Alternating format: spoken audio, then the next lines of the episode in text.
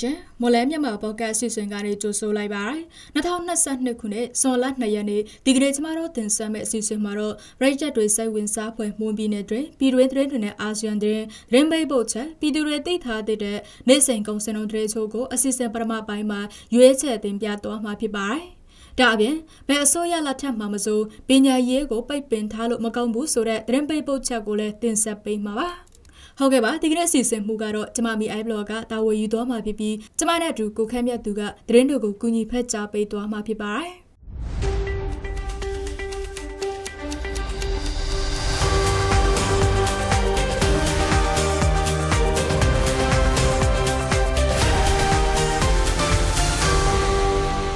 နားဆင်ကြတဲ့ပရိသတ်တွေအားလုံးကိုမင်္ဂလာပါလို့နှုတ်ခွန်းဆက်တာပါရစေကျွန်တော်ခမ်းမြတ်သူကမိအိုင်ဘလော့နဲ့အတူသတင်းတွေကိုကူညီတင်ဆက်ပေးတော့မှာပါ ထာဝယ်မြိတ်ပြည်တော်စုကားလမ်းမှာမရိကကားသုံးစီပြစ်ခတ်ခံရပြီးရင်မောင်းတူတနတ်တိမှန်တရားရရှိခဲ့တယ်လို့သိရပါတယ်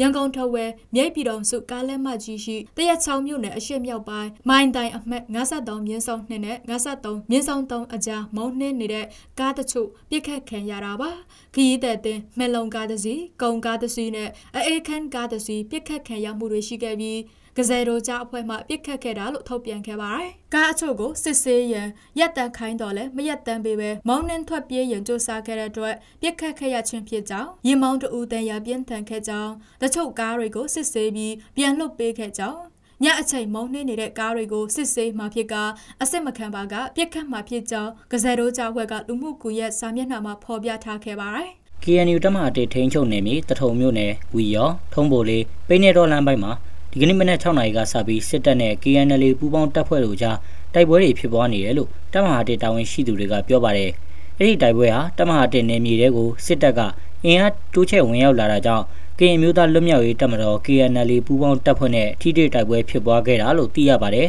။နှစ်ဖက်ထိတွေ့တိုက်ပွဲအတွင်းမှာထိခိုက်ကြဆုံးမှုတွေရှိနေပေမဲ့အရေးအတွက်ကိုတော့မသိရသေးဘူးလို့ KNU တပ်မဟာတေတထုံခရိုင်ဗဟိုအလုံးမှုဆောင်ဖွဲ့ဝင်တအူးကပြောပါတယ်။ အဲ့ဒီတိုက်ပွဲအတွင်းမှာစစ်တပ်ချီမြန်တပ်ရင်ခမရ9ကနေထုံးပိုလေးကြီးရွာတဲ့ကိုလက်နက်ကြီးကြီး30ထပ်မံနဲ့ပစ်ခတ်ခဲ့တာကြောင့်ဒေသခံရဲသားတို့လက်နက်ထိမှန်ခဲ့ရသလိုလူနေအိမ်တွေနဲ့ဝင်းမြူထားတဲ့ဝန်နွားတွေထိခိုက်ဒေဆုံးခဲ့တယ်လို့ဆိုပါတယ်အဲ့ဒီတိုက်ပွဲဟာမနက်10:00နာရီခွဲအထိဆက်လက်ဖြစ်ပွားခဲ့ပြီးလက်နက်ကြီးတန်တွေဇက်တိုက်ကြားနေရတယ်လို့ပိနေတော်ဒေသခံတအူးကပြောပါတယ်။ တိုက်ပွဲတွေဖြစ်ပွားနေတဲ့အတွက်ကြောင့်ပြည်သူတွေအနေနဲ့အထူးသတိပြုနေထိုင်သွားလာကြဖို့ KNU တမဟာတဲ့တထုံခရိုင်မိဖက်ရေးရာကြီးကြပ်ကွယ်ကဲမှုကော်မတီကသတိပေးထုတ်ပြန်ထားပါတယ်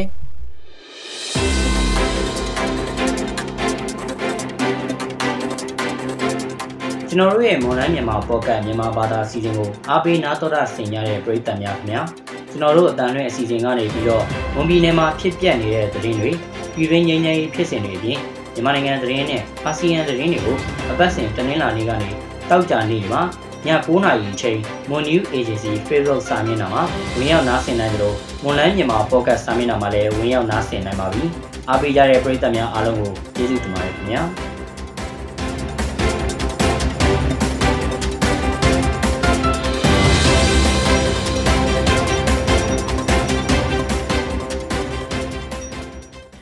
လေကြောင်းခရီးစဉ်တွေနဲ့ခရီးသွားလာမဲ့သူတွေ COVID-19 ကာကွယ်ဆေးအကြိမ်ရပြည့်အောင်ထိုးထားရင်စွန်လတရက်နေ့ကစပြီး RD3 စစ်ဆေးစရာမလိုအပ်ပဲခရီးသွားနိုင်တယ်လို့ကျန်းမာရေးဝန်ကြီးဌာနကထောက်ပြန်လိုက်ပါတယ်။လေကြောင်းနဲ့ခရီးသွားမဲ့သူတွေအနေနဲ့လွန်ခဲ့တဲ့14ရက်ကျော်ကကျန်းမာရေးဝန်ကြီးဌာနအသိမှတ်ပြု COVID-19 ကာကွယ်ဆေးနှစ်ကြိမ်အကြိမ်ပြည့်ထိုးနှံထားရမှာဖြစ်ပြီးအကြိမ်ပြည့်မထိုးနှံထားရင်တော့ခရီးစဉ်မတိုင်ခင် 48နာရီအတွင်း RD3 နဲ့စစ်ဆေးချက်ကိုပြသရမှာဖြစ်တယ်လို့ထုတ်ပြန်ချက်မှာဖော်ပြထားပါတယ်။ အခုလိုဖြေလျှော့ပေးတာကြောင့်ပြည်တွင်းလေကြောင်းနဲ့ပတ်သက်တဲ့ခီးသွွားတွေများပြားလာနိုင်တယ်လို့ခီးသွွားလုပ်ငန်းရှင်များအသင်းတော်ဝန်ရှိသူကပြောပါတယ်။အသက်6နှစ်အောက်ကလေးငယ်တွေကိုတော့ RD3 စစ်ဆေးမှုကင်းလွတ်ခွင့်ပေးထားသလိုအသက်12နှစ်အောက်ကလေးတွေကိုလည်း COVID-19 ကာကွယ်ဆေးထိုးလက်မှတ်တင်ပြစရာမလိုဘူးလို့သတ်မှတ်ထားပါတယ်။2020ပြည်နှစ်မေလကနေစပြီးလက်ရှိတည်ကျညာချက်မထုတ်ပြန်ခဲ့အထိပြည်တွင်းလေကြောင်းခီးသည်တွေအနေနဲ့ COVID-19 ကာကွယ်ဆေးထိုးပြီးသားတက်လက်ပြီးဖို့လိုအပ်မှာဖြစ်တယ်လို့ RD3 လည်းစစ်ဆေးခဲ့ရမှာဖြစ်ပါတယ်ဒီကနေ့မှာတော့မြန်မာတိုင်းနိုင်ငံလုံးအခြေခံပညာကျောင်းတွေကိုပြန်လည်ဖွင့်လှစ်ခဲ့ပြီးကျောင်းတက်ရောက်တဲ့ကျောင်းသားကျောင်းသူအရေးအတွက်လည်းများပြားခဲ့တယ်လို့သိရပါတယ်။နာဆကပညာရေးဝန်ကြီးဌာနအနေနဲ့ပြီးခဲ့တဲ့မေလနောက်ဆုံးအပတ်မှာကျောင်းအနှံမှုတွေကိုစတင်လက်ခံခဲ့တာဖြစ်ပြီးတော့ကျောင်းအပ်သူအရေးအတွက်လည်း9တန်းကျော်အထိရှိခဲ့တယ်လို့သိရပါတယ်။နိုင်ငံအဝန်းမှာကျောင်းတွေပြန်ဖွင့်ခဲ့ပေမဲ့စီရေးပဏိပခတွေဖြစ်ပွားနေတဲ့ဒေသအချို့မှာလည်းကျောင်းတွေပြန်မဖွင့်နိုင်ခဲ့တဲ့မြို့နယ်တွေရှိနေပါသေးတယ်။ ဒီကနေ့မှာတော့ရခိုင်ပြည်နယ်မှာအခြေခံပညာကျောင်းပေါင်း3000ကျော်ဖွင့်လှစ်နိုင်ခဲ့ပေမဲ့ပဏိပခတွေနဲ့တိုက်ပွဲတွေကြောင့်မောင်တော်ဘူးတီတောင်ရသေးတောင်နဲ့ကြောက်တော်မြို့နယ်တို့မှာပိတ်ထားရတဲ့စာတင်ကျောင်း122ကျောင်းကိုတော့ပြန်ဖွင့်နိုင်ခြင်းမရှိခဲ့ပါဘူး။အလားတူကချင်ပြည်နယ်တနိုင်းမြို့နယ်မှာကျောင်းအပ်သူအရေးအတွက်နေပါခဲ့ပြီးတော့တမျိုးနယ်လုံးကကျောင်းထောက်ဝမ်းခတ်တာဖွင့်လှစ်နိုင်ခဲ့တယ်လို့သိရပါဗျ။ဒါအပြင် ကရင်နီဒေသချင်းပြည်နယ်စကိုင်းတိုင်းအထက်ပိုင်းစတဲ့တိုက်ပွဲဖြစ်ပွားတဲ့ဒေသတွေမှာလည်းလုံခြုံရေးအရာမဖွင့်နိုင်ခဲ့တဲ့ကျောင်းတွေအများအပြားရှိနေပါသေးတယ်။ထိုင်းမြန်မာနှစ်နိုင်ငံကြားအများပြည်သူလူခုဆက်ဆံသွားလာနိုင်တဲ့တာချီလိတ်မဲဆိုင်အမှတ်၁ချစ်ကြည်တရားနဲ့မြဝတီမဲဆောက်အမှတ်၁ချစ်ကြည်တရားတွေကိုမနေ့ကဖွင့်ဖို့နှစ်နိုင်ငံခရိုင်တာဝန်ရှိသူတွေသဘောတူထားကြပေမဲ့မြန်မာဘက်ကသဘောမတူသေးတာကြောင့်မဖွင့်လှစ်နိုင်သေးပါဘူး။ ဒါကြီးလိမဲဆိုင်အမှတ်၁ချစ်ကြည်တရားဖွေဖို့ခရိုင်အစစ်အာဏာပိုင်တွေအစီအဝေးနှစ်ကြိမ်လောက်ကသဘောတူညီချက်ရပြီးထိုင်းဘက်ချမ်းမှာဆိုရင်အကောက်ခွန်ဌာနကတက်ရှိရေးနဲ့စာရွက်စာတမ်းတွေပြင်ဆင်ထားပြီးမနေ့ကဖွင့်မယ်လို့ကြေညာထားခဲ့တာပါဒါပေမဲ့မြန်မာဘက်ချမ်းကဗဟိုအစိုးရရဲ့ခွင့်ပြုချက်မရရှိသေးလို့မဖွင့်နိုင်သေးပဲတကားနှစ်ဖက်လုံးတော့တွေနဲ့အခိုင်အမာခတ်ထားဆဲဖြစ်ပါတယ်အလားတူမြန်မာမဲဇောက်ကြားကနိုင်ငံချစ်ကြည်ရေးတရားမှလည်းဖွင့်မယ်လို့ပြောနေတာဒီနှစ်စံပိုင်းဇန်နဝါရီလကတည်းကဖြစ်ပြီးထိုင်းဘက်ကအကြိမ်အကြိမ်ပြင်ဆင်မှုတွေလောက်ထားကြောင်းဖွင့်မဲဆိုတာကိုလက်တိုင်းပြောခဲ့ပြီးဒီနေ့အထိမဖွင့်သေးဘူးလို့မဲဆောက်ချေဆိုင်မြန်မာပြည်သားများရဲ့ပူးတွဲဆောင်ရွက်မှုကော်မတီဥက္ကဋ္ဌဦးမိုးကျော်ကပြောပါတယ်။ အခုလိုပြည့်ရတာဟာမြန်မာဘက်ကအယက်သားအစိုးရဆိုရင်စီးပွားရေးနဲ့ကုန်သွယ်ရေးကိုဦးစားပေးပြီးစစ်အစိုးရကလုံခြုံရေးနဲ့ကာကွယ်ရေးကိုဦးစားပေးကစိုးရိမ်စိတ်တွေလုံကဲပြီးမဖွင့်နိုင်သေးတာလို့ဦးမိုးကျော်ကတောင်းတက်ပြောဆိုခဲ့ပါတယ်။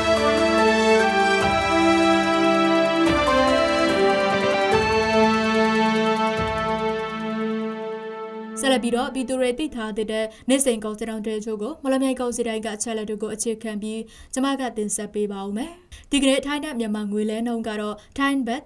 60.5ဝယ်ဈေးရှိပြီးတော့ရောင်းဈေးက60သိရှိနေပါတယ်။ ဒေါ်လာဈေးကတော့အမေရိကန်ဒေါ်လာကိုဝယ်ဈေးမြန်မာငွေ1850ဒမှ6လေးရှိပြီးရောင်းဈေးကတော့1855ဒမှ9လေးရှိပါတယ်။ရွှေဈေးနှုန်းကတော့မီလ16ပဲရေတကြက်သားကို20သိန်း15000ကျပ်နဲ့15ပဲရေတကြက်သားကို18သိန်း6500ရှိနေပါတယ်။စက်သုံးစီတွေကတော့တီဆယ်တလီတာကို2480ကျပ်အောက်တိုင်92တလီတာကို2235ကျပ်နဲ့95တလီတာကို2320ကျပ်အထိရှိနေတာပါ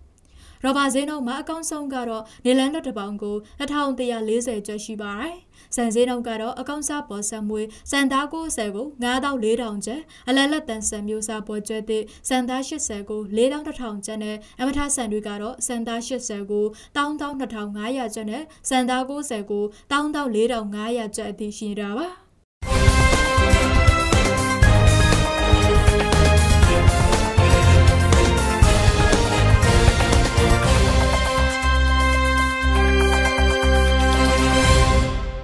အခုတင်ဆက်ပေးသွားခဲ့တာကဆိုလာ2ရက်နေ့မှာဖြစ်ပျက်ခဲ့တဲ့မွန်ပြည်နယ်တွင်ပြည်တွင်တွင်နဲ့အာဆီယံတွင်တွေပြင်တနိဒာစီစေးငွေစေးနဲ့ကောင်စင်းတော်တွေကိုတင်ဆက်ပေးသွားခဲ့တာဖြစ်ပါတယ်။ဆက်လက်ပြီးတော့ဘယ်အစိုးရလက်ထက်မှာမဆိုပညာရေးကိုပိတ်ပင်ထားလို့မကောင်းဘူးဆိုတဲ့သတင်းပေးပို့ချက်ကိုစရောင်းနုံကတင်ဆက်ပေးပါမယ်ရှင်။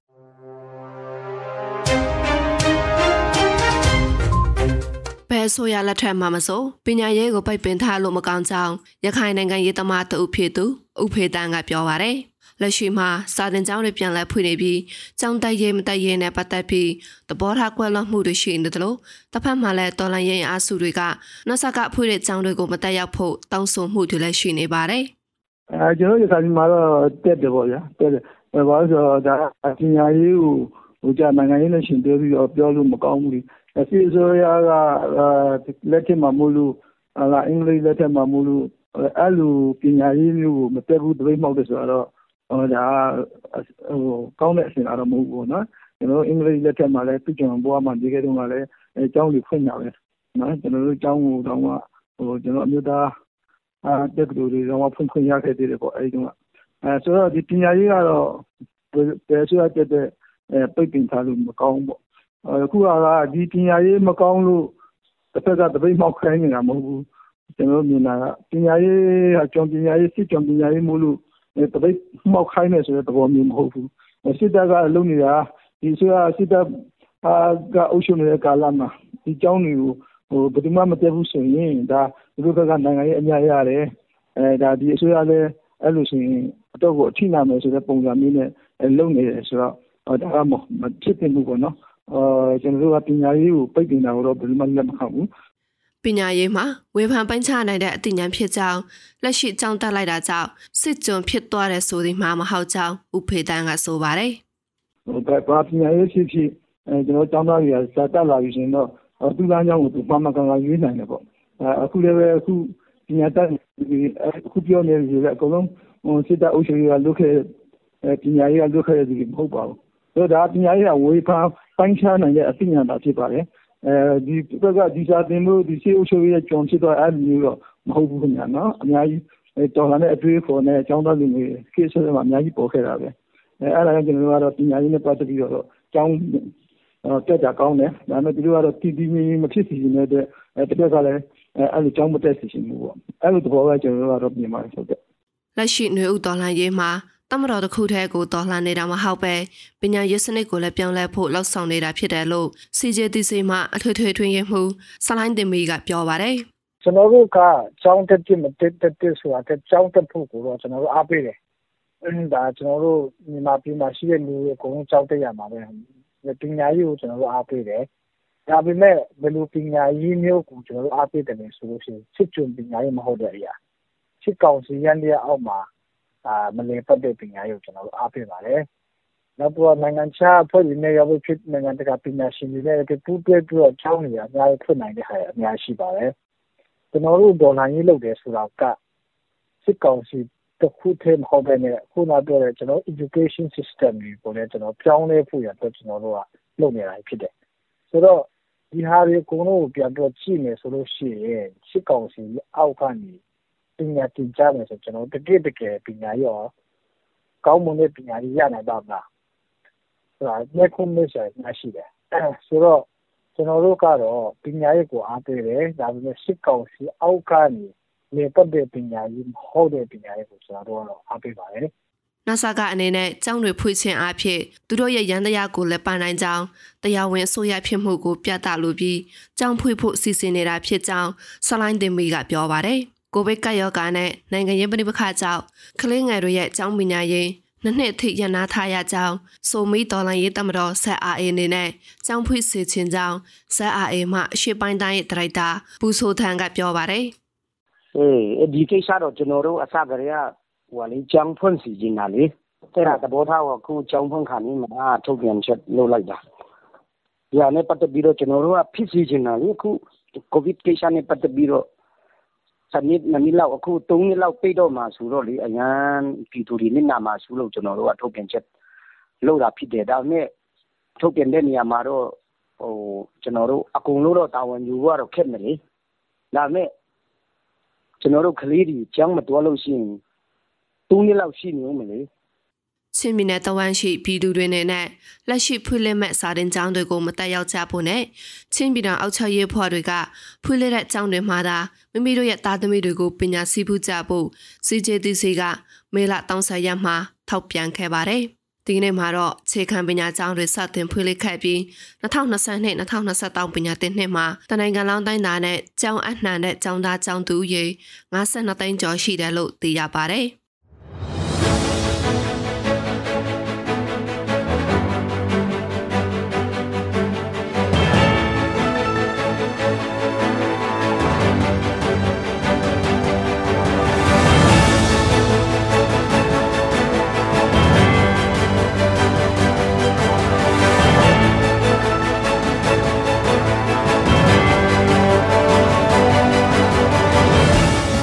ကျွန်တော်တို့ရဲ့မွန်လန်းမြန်မာပေါ့ကတ်စီစဉ်ဒီမှာတင်ပြီးဆုံးပါပြီ။နားဆင်ကြတဲ့ပရိသတ်တွေအားလုံးကိုနောက်နေ့စီစဉ်တွေမှာဆက်လက်အားပေးကြပါအောင်လို့ဖိတ်ခေါ်ရင်းအစီအစဉ်ကိုအဆုံးသတ်ပါရစေ။အားလုံးကိုကျေးဇူးတင်ပါတယ်ခင်ဗျာ။